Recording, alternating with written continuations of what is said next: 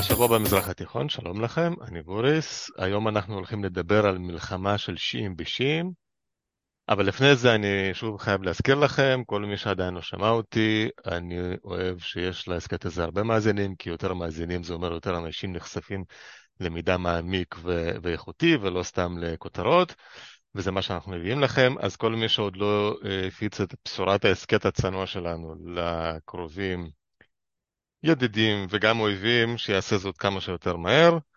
ועכשיו בואו נדבר, נגיד שלום לפרופסור אמציה בר, אה, ברעם, היסטוריון, מומחה לעיראק מאוניברסיטת חיפה. שלום לך, פרופסור ברעם.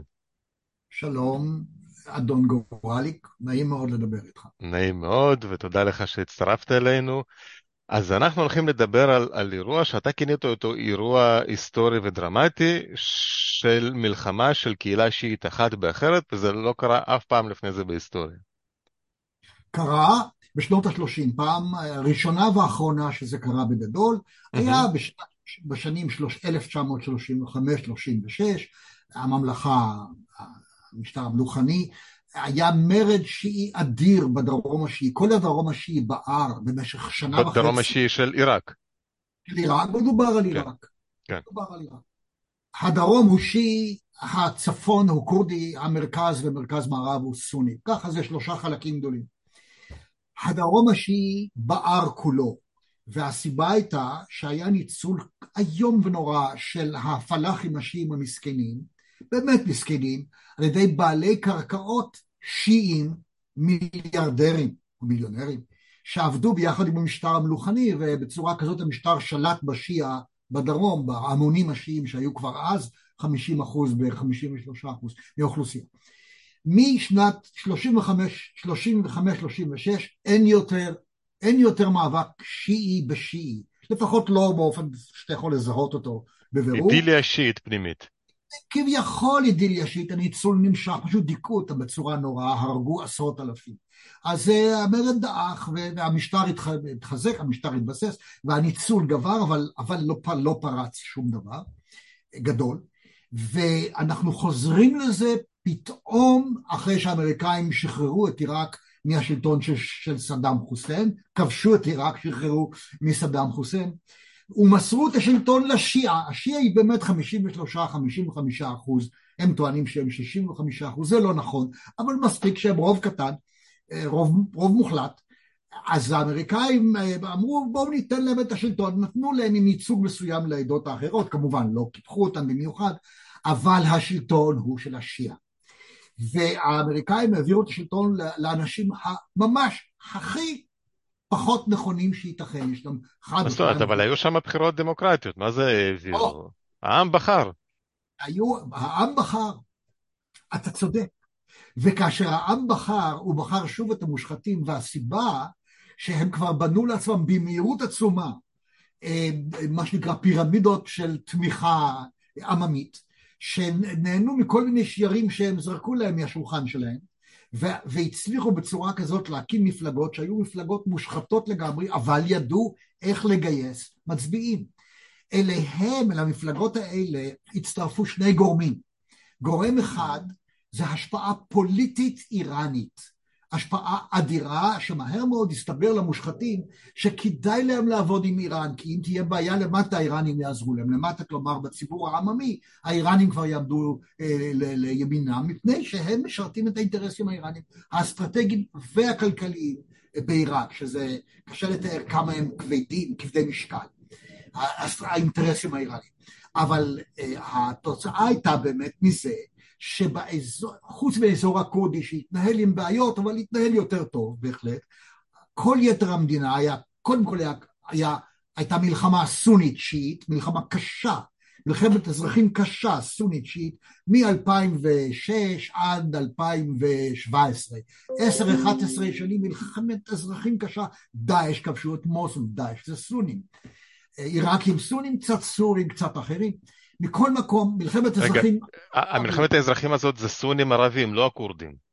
סונים ערבים, לא כורדים, הכורדים ממש לא היו מעורבים. אוקיי. Okay. הכורדים שמרו על עצמם. גם כלכלית הסתדרו יותר טוב, גם ביטחונית יותר טוב, גם דמוקרטיה, אם כי זה לא דמוקרטיה ממש, זה כמו דמוקרטיה של חמולות, אבל זה לא משנה, זה עובד, עם בעיות. בגדול הכורדים הם כאילו איזו שלוחה של עיראק שהיא במצב הרבה יותר טוב, רחוק מלהיות מצוין, אבל הרבה יותר טוב מאשר כל שאר עיראק. מלחמת האזרחים הזאת, בין 2006 בעיקר, כבר התחיל ב-2004, אבל 2006, עד 2017, הייתי אומר, כשמוסול שוחררה מידי דאעש, דאעש הם סונים כמובן, נגד השלטון השיעי בבגדד, שהאמריקאים הביאו אותו, אה, העלו אותו. המלחמה הזו גרמה להרס איום ונורא באזור הסוני, ועד היום יש באזור הסוני, שזה מרכז וצפון מערב, זה מרכז, הייתי אומר מרכז. אה, עד היום האזור הסוני הזה הוא הרוס במידה רבה, ויש לפחות מיליון סונים עיראקים, ערבים, שלא יכולים לחזור הביתה, שהם בכלל פליטים, אתה פליטים בתוך המדינה שלהם, אבל פליטים.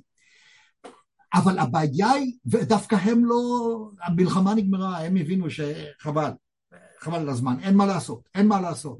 הפסדנו אותה, הפסדנו. מי שתמך באייסיס, הקיצוניים, הרדיקליים, האסלאמיסטים, הסונים, היום הם בקושי גרילה שאפשר בקושי לדבר עליה. יש, אבל זה מעט מאוד. היום המלחמה הגדולה היא בתוך הציבור השיעי, ולכן כשאני הייתי קצין שריון, היינו עושים פעם בשלוש שנים אה, מה שנקרא תרגיל שין בשין, מלחמת שין בשין.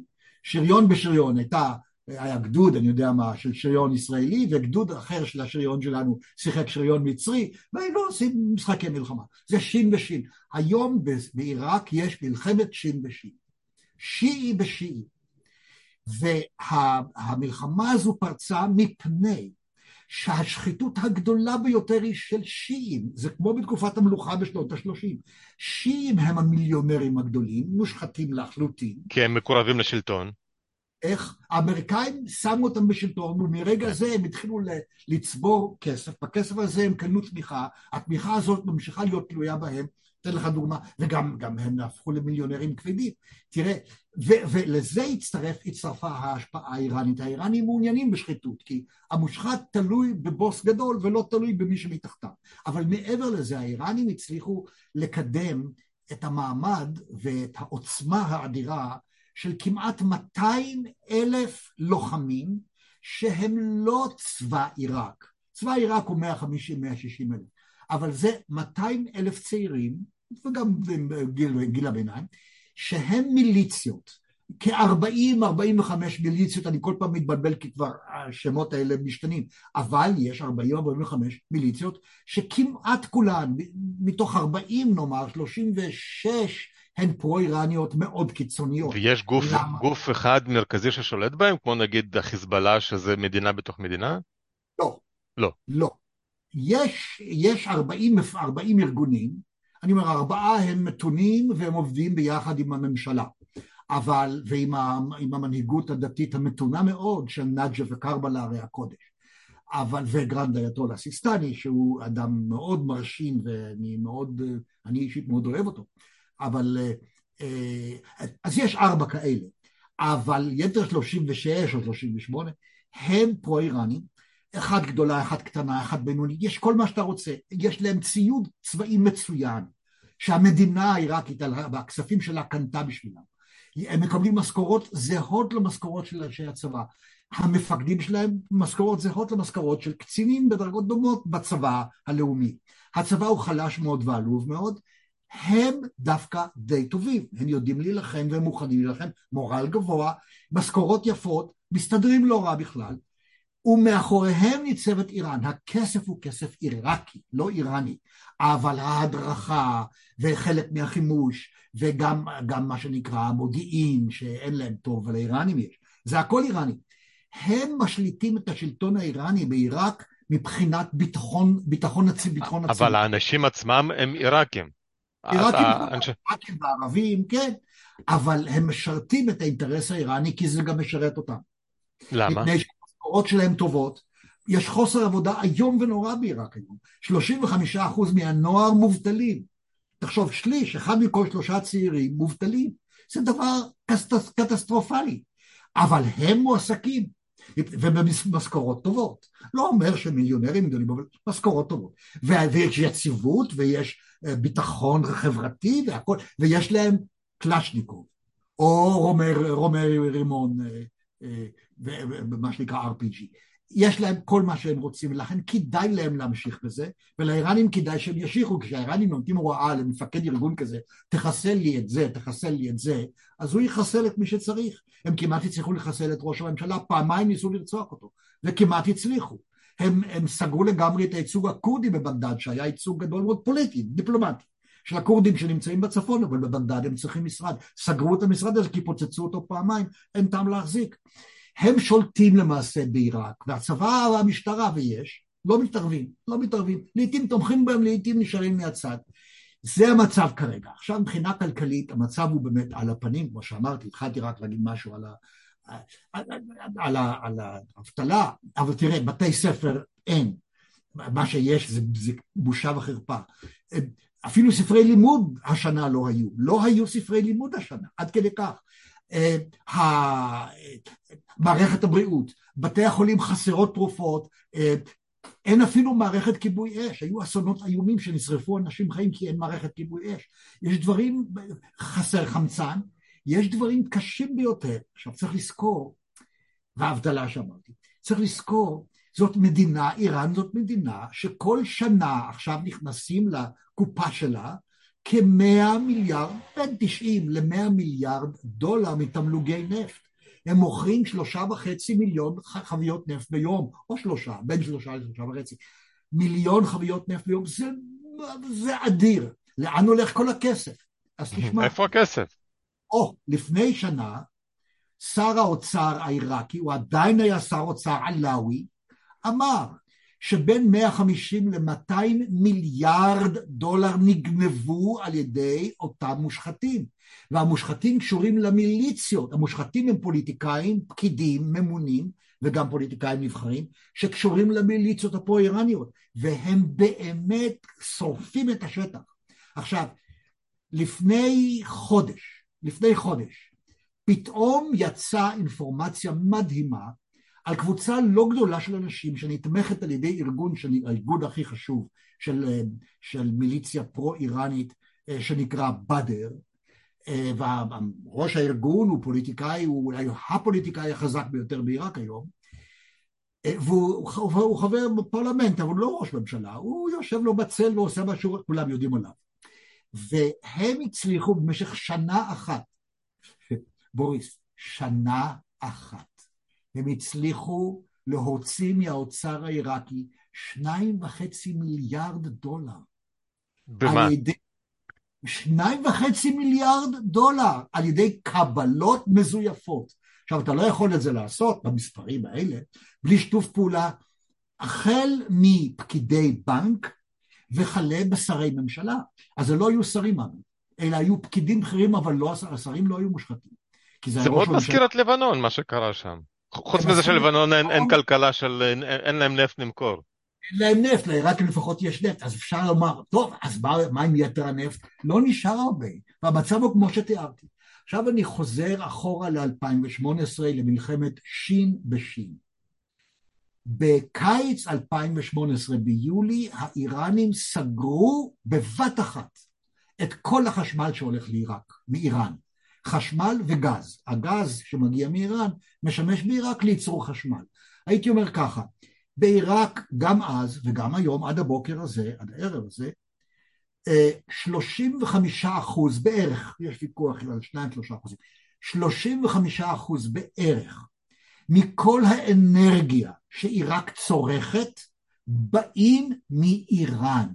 וזאת מדינה, עיראק היא מדינה, שמפיקה כל יום שלושה וחצי מיליון חביות נפט. איך זה ייתכן?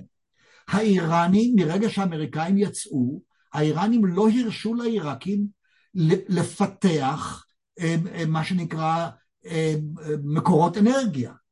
כלומר... כן, כי מי שלא יודע, נפט עצמו, קשה מאוד לעבוד איתו, אתה צריך לזקק אותו, וזה כבר תעשייה, תעשיית הייטק.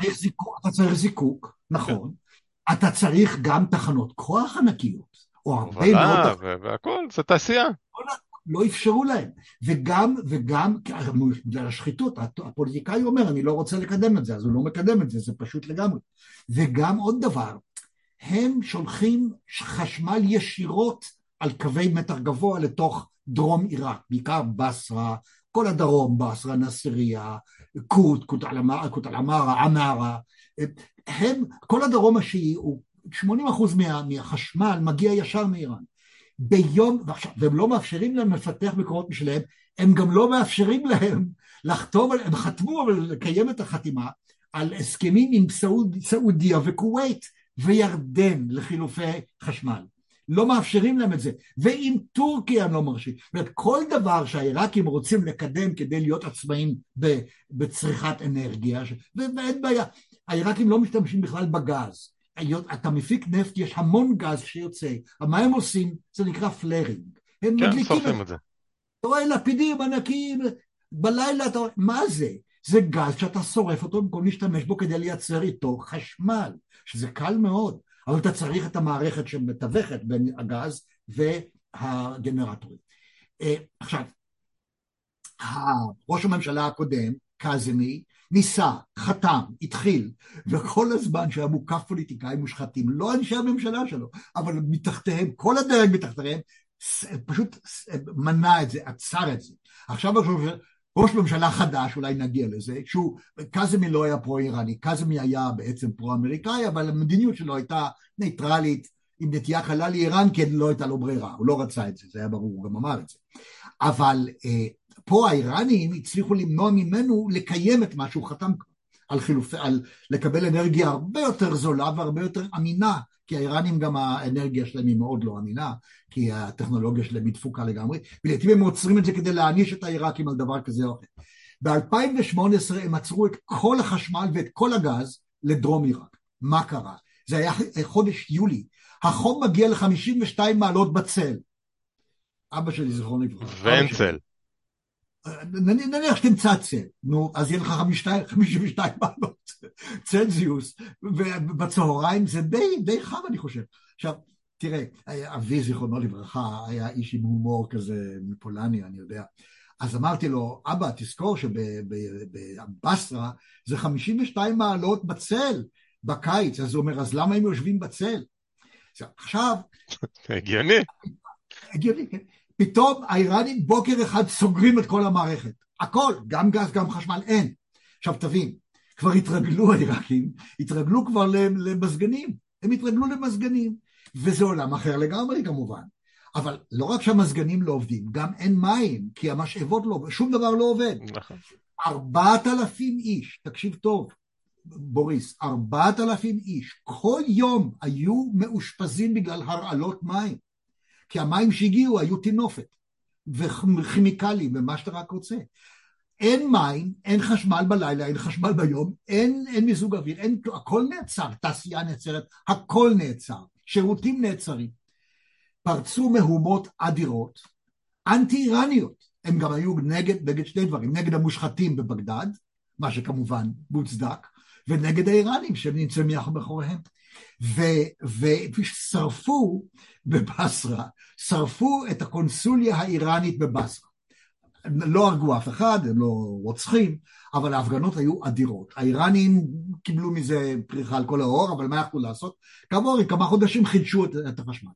באוקטובר, ספטמבר-אוקטובר, שנה יותר מאוחר, 2019, שוב אותו דבר. והאיראנים טוענים כי סגרנו כי אתם לא משלמים לנו עבור החשמל שלנו. לא מספיק. אגב, השכן הוא גם יקר וגם לא יציב, אבל לא ניכנס לזה.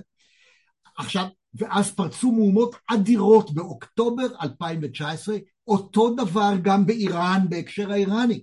זה עניין איראני, אבל בתוך עיראק, נגד איראן, ההשפעה האיראנית נגיד, ונגד המושחתים בממשלה ובפקידות הממשלתית.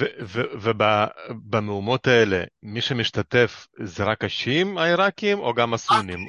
שאלה על הכיפאק, רק השיעים העיראקים.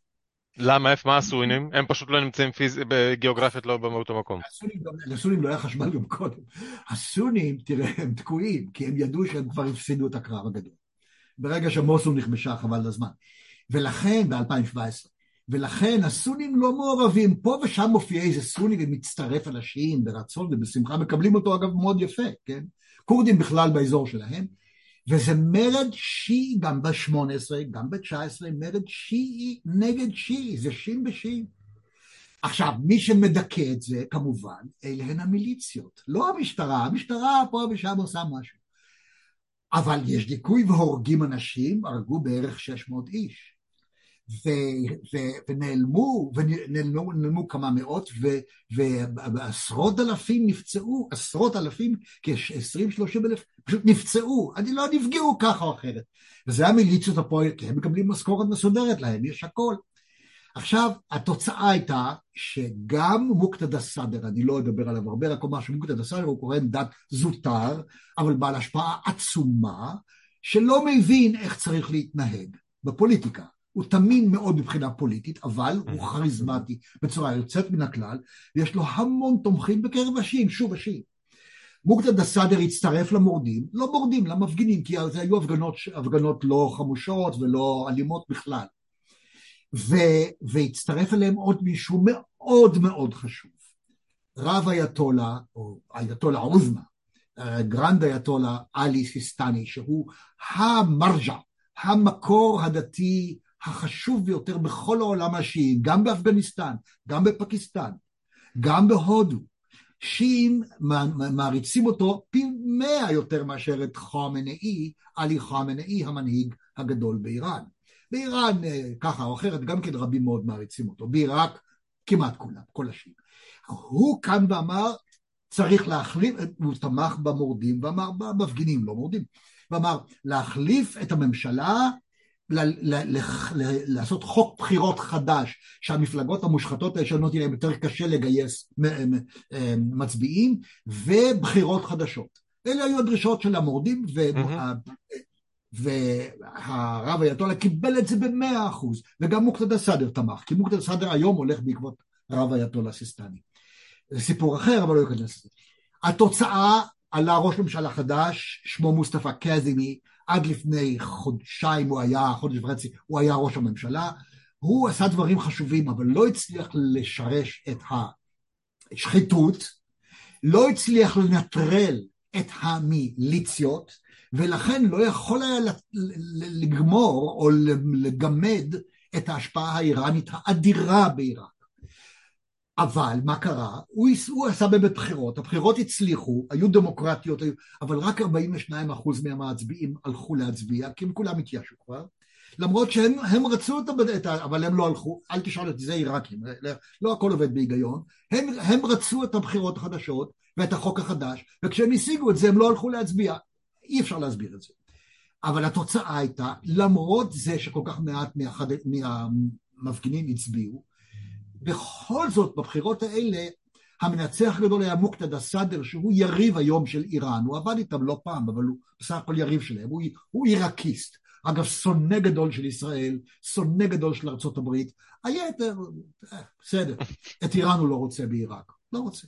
עכשיו, הוא, אבל הוא ניסה להרכיב קואליציה, הוא הצליח להרכיב קואליציה, הוא קיבל, הוא היה הזוכה הגדול, 73 חברי פרלמנט מתוך 329, וזה מספר גדול, המפלגה הכי גדולה. הוא הקים קואליציה של 168 חברי פרלמנט, שזה קצת יותר מ-50 אחוז, וזה לגמרי מספיק. זה כמו אצלנו 61. 61. בדיוק, בדיוק 61, כן. ומה קרה לו המסכן? האיראנים חטפו מזה שוק אמיתי, כי הם עומדים לאבד את תמיכת הפרלמנט העיראקי, זה דבר נורא, תמכו במפלגה, אחת המפלגות הכורדיות היותר גדולה, במפלגה של ברזני, קורדיש דמוקרטיק פארטי, ושתי המפלגות הגדולות של הסונים תמכו, אז הוא שיעי, כולם היו שיעים ברשימה שלו, אבל השיעים האלה הם נגד ההשפעה האיראנית. המפלגה, שתי מפלגות הכי גדולות של הסונים היו איתו, המפלגה הכי גדולה הכורדית הייתה איתו, היה לו רוב קטנצ'יק, 61 אצלנו, אצלם 168, צריך רק 165 זה מספיק. היו לו שלושה יותר ממה שהוא צריך, אבל פתאום האיראנים הצליחו לשכנע את, את ראש, את השופט, שהוא בכלל לא שופט, הוא, הוא, זיוף של שופט, אבל זה לא חשוב, הוא ראש המועצת, המועצת שיפוט העליונה לענייני חוקה. והוא הוציא כלל, שיש ויכוח גדול אם הכלל הזה הוא חוקתי או לא חוקתי, אני חושב שלא, אפשר להתווכח על זה, זה נכון, שנוי במחלוקת, שכדי לבחור נשיא ואחר כך ראש ממשלה ואחר כך ממשלה, צריך לא שני שליש רוב, לא צריך, הרוב יכול להיות 51 אחוז, אבל צריך שני שליש של נוכחים בפרלמנט. מה שנקרא קוורום. אה, קוורום, כן. קוורום. אם, אם, אם אתה, לאיראנים היה רק קצת יותר משליש מהתומכים, מספיק בשביל שלא יהיה קוורום. ברגע שיש לך יותר משליש, קצת יותר משליש מחברי פרלמנט, הם לא מופיעים לפגישה. אה, יפה. הם לא באים. הם לא באים, נכון שיש רוב, 168, שזה רוב של שלושה, בעד נשיא חדש, בעד בראש, בראש ממשלה, אבל אתה לא יכול לרוץ קדימה, מפני שאתה צריך קוורום, כי ככה ראש החוקה, בית הדין לחוקה אמר. אומר שהוא כן חוקי, זה מהלך גאוני של האיראנים, הם הקפיאו את הפרק, גאוני, לא צריך לראות אפילו עירייה אחת, רק איש אחד שהוא אגב איש שלהם, בכלל בוגר חיזבאללה, שזה סיפור אחר, שזה, והוא כנראה, אני לא יודע, אומרים, עיראקים אומרים לי שהוא זייף את הדוקטורט שלו, לא הוא, אלא הבית ספר שלו, שזה המכללה האסלאמית בביירות, זייפו, זייפו את, ה, את הדוקטורט שלו, אולי זה לא נכון, אני לא יכול לדעת. עכשיו תגיד לי... אבל, כן, אה, סליחה. אה, לא, אה, כי פשוט הזמן שלנו נגמר, ואני עכשיו, אתה יודע, אמרה רחל המשוררת, צר עולמי כעולם נמלה. מבחינתנו ישראל, יש לאיבה הזאת איזושהי השפעה עלינו? אנחנו צריכים, לא יודע, לעודד צד אחד או אחר, או לקוות לניצחון של צד אחד או אחר? בלי כל ספק, מוקתד א-סאדר הוא אויב של ישראל, אבל הוא עושה את הדבר הנכון מבחינתנו, הוא רוצה את האיראנים החוצה. כבר. עכשיו, למה זה כל כך קריטי מבחינתנו, וזה מאוד קריטי? עיראק היא בסיס נהדר, יוצא מן הכלל, לשני דברים.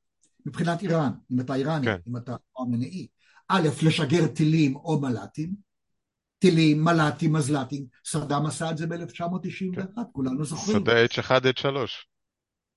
בטח, בטח, כן. במדבר, במדבר בכלל לא בעיה, לאיראנים יש המון טילים וכבר היום הם מוצבים בעיראק. ויש להם מל"טים בלי סוף וכבר היום מוצבים בעיראק. בלי בעיה בכלל. עיראק, עכשיו האיראנים מוכנים להילחם נגדנו עד העיראקי האחרון, זה ברור, לכן בוודאי, למה לא?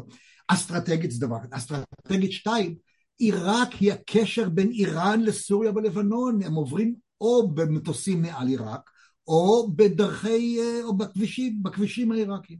איראן מתכננת עכשיו, ממש עכשיו, כבר יש תוכנית, לבנות מסילת ברזל מעיראק, מאיראן, סליחה, דרך עיראק לסוריה וללבנון, אתה יודע מה זה? עוד אין. זה מצוין, אבל אז כשיפרוץ השלום גם נחבר את הרכבת הזאת לישראל ונוכל לנסוע לבגדד ברכבת. בינתיים הרכבת הזאת, אתה יודע מה היא תוביל. לכן, מבחינת עיראק, להגביל את היכולת האיראנית בתוך עיראק זה אינטרס ישראלי עליון. ולכן יוצא פרדוקס. הפוליטיקאי העיראקי שהכי שונא אותנו, מוקתד א-סאדר הזה, הוא היום משרת, הוא כבר, הוא, די נטרל את עצמו כי הוא פעל לא נכון, הוא הודיע לכל חברי בפרלמנט שלו להתפטר, והוא גרם ניכור עם הכורדים, ניכור עם הסונים, והיום כבר כולם תומכים בראש ממשלה חדש, לא מזמן, שהוא איש, האיש של האיראנים. אז הממשלה היא של האיראנים, הכל כבר הולך עם האיראנים שוב, אז איראן שוב נכנסת לתוך עיראק בכוח, בכוח מלא, האיש הזה, המוקתד הסאדר הזה, היה פתרון אפשרי למרות שהוא שונא אותנו, אבל לפחות יוציא את האיראנים מתוך עיראק במידה רבה, זה לא קרה. ועכשיו עיראק נכנסה יותר עמוק עם העוני והמסכנות הזאת, גם לשלטון איראני הרבה יותר אפקטיבי. טוב, בסדר, אז אם ככה נאחל בהצלחה למוקתד הסאדר ולכוחות האנטי-איראנים, ונקווה שהם לא יצליחו בכוונותיהם האנטי-ישראליות. אמ, זהו, הפרק שלנו הגיע לסוף. אה, כמו תמיד אני מזכיר למאזינים להירשם להסכת הזה בכל יישומוני הסכתים באשר הם. אה, פרופסור אמציה ברעם, תודה רבה לך. שמחתי. ולכל המאזינים, יום טוב, שבוע מקסים וחיים יציבים ושלווים. ביי ביי. יירשמו להסכת באפל מיוזיק, ספוטיפיי וכל אפליקציית פודקאסטים שאתם אוהבים. כדאי ומומלץ להירשם לרשימת התפוצה השבועית של דוקטור פרידמן, בה הוא סוקר את חדשות השבוע במזרח התיכון. חפשו השבוע במזרח התיכון בפייסבוק. נשתמע בשבוע הבא.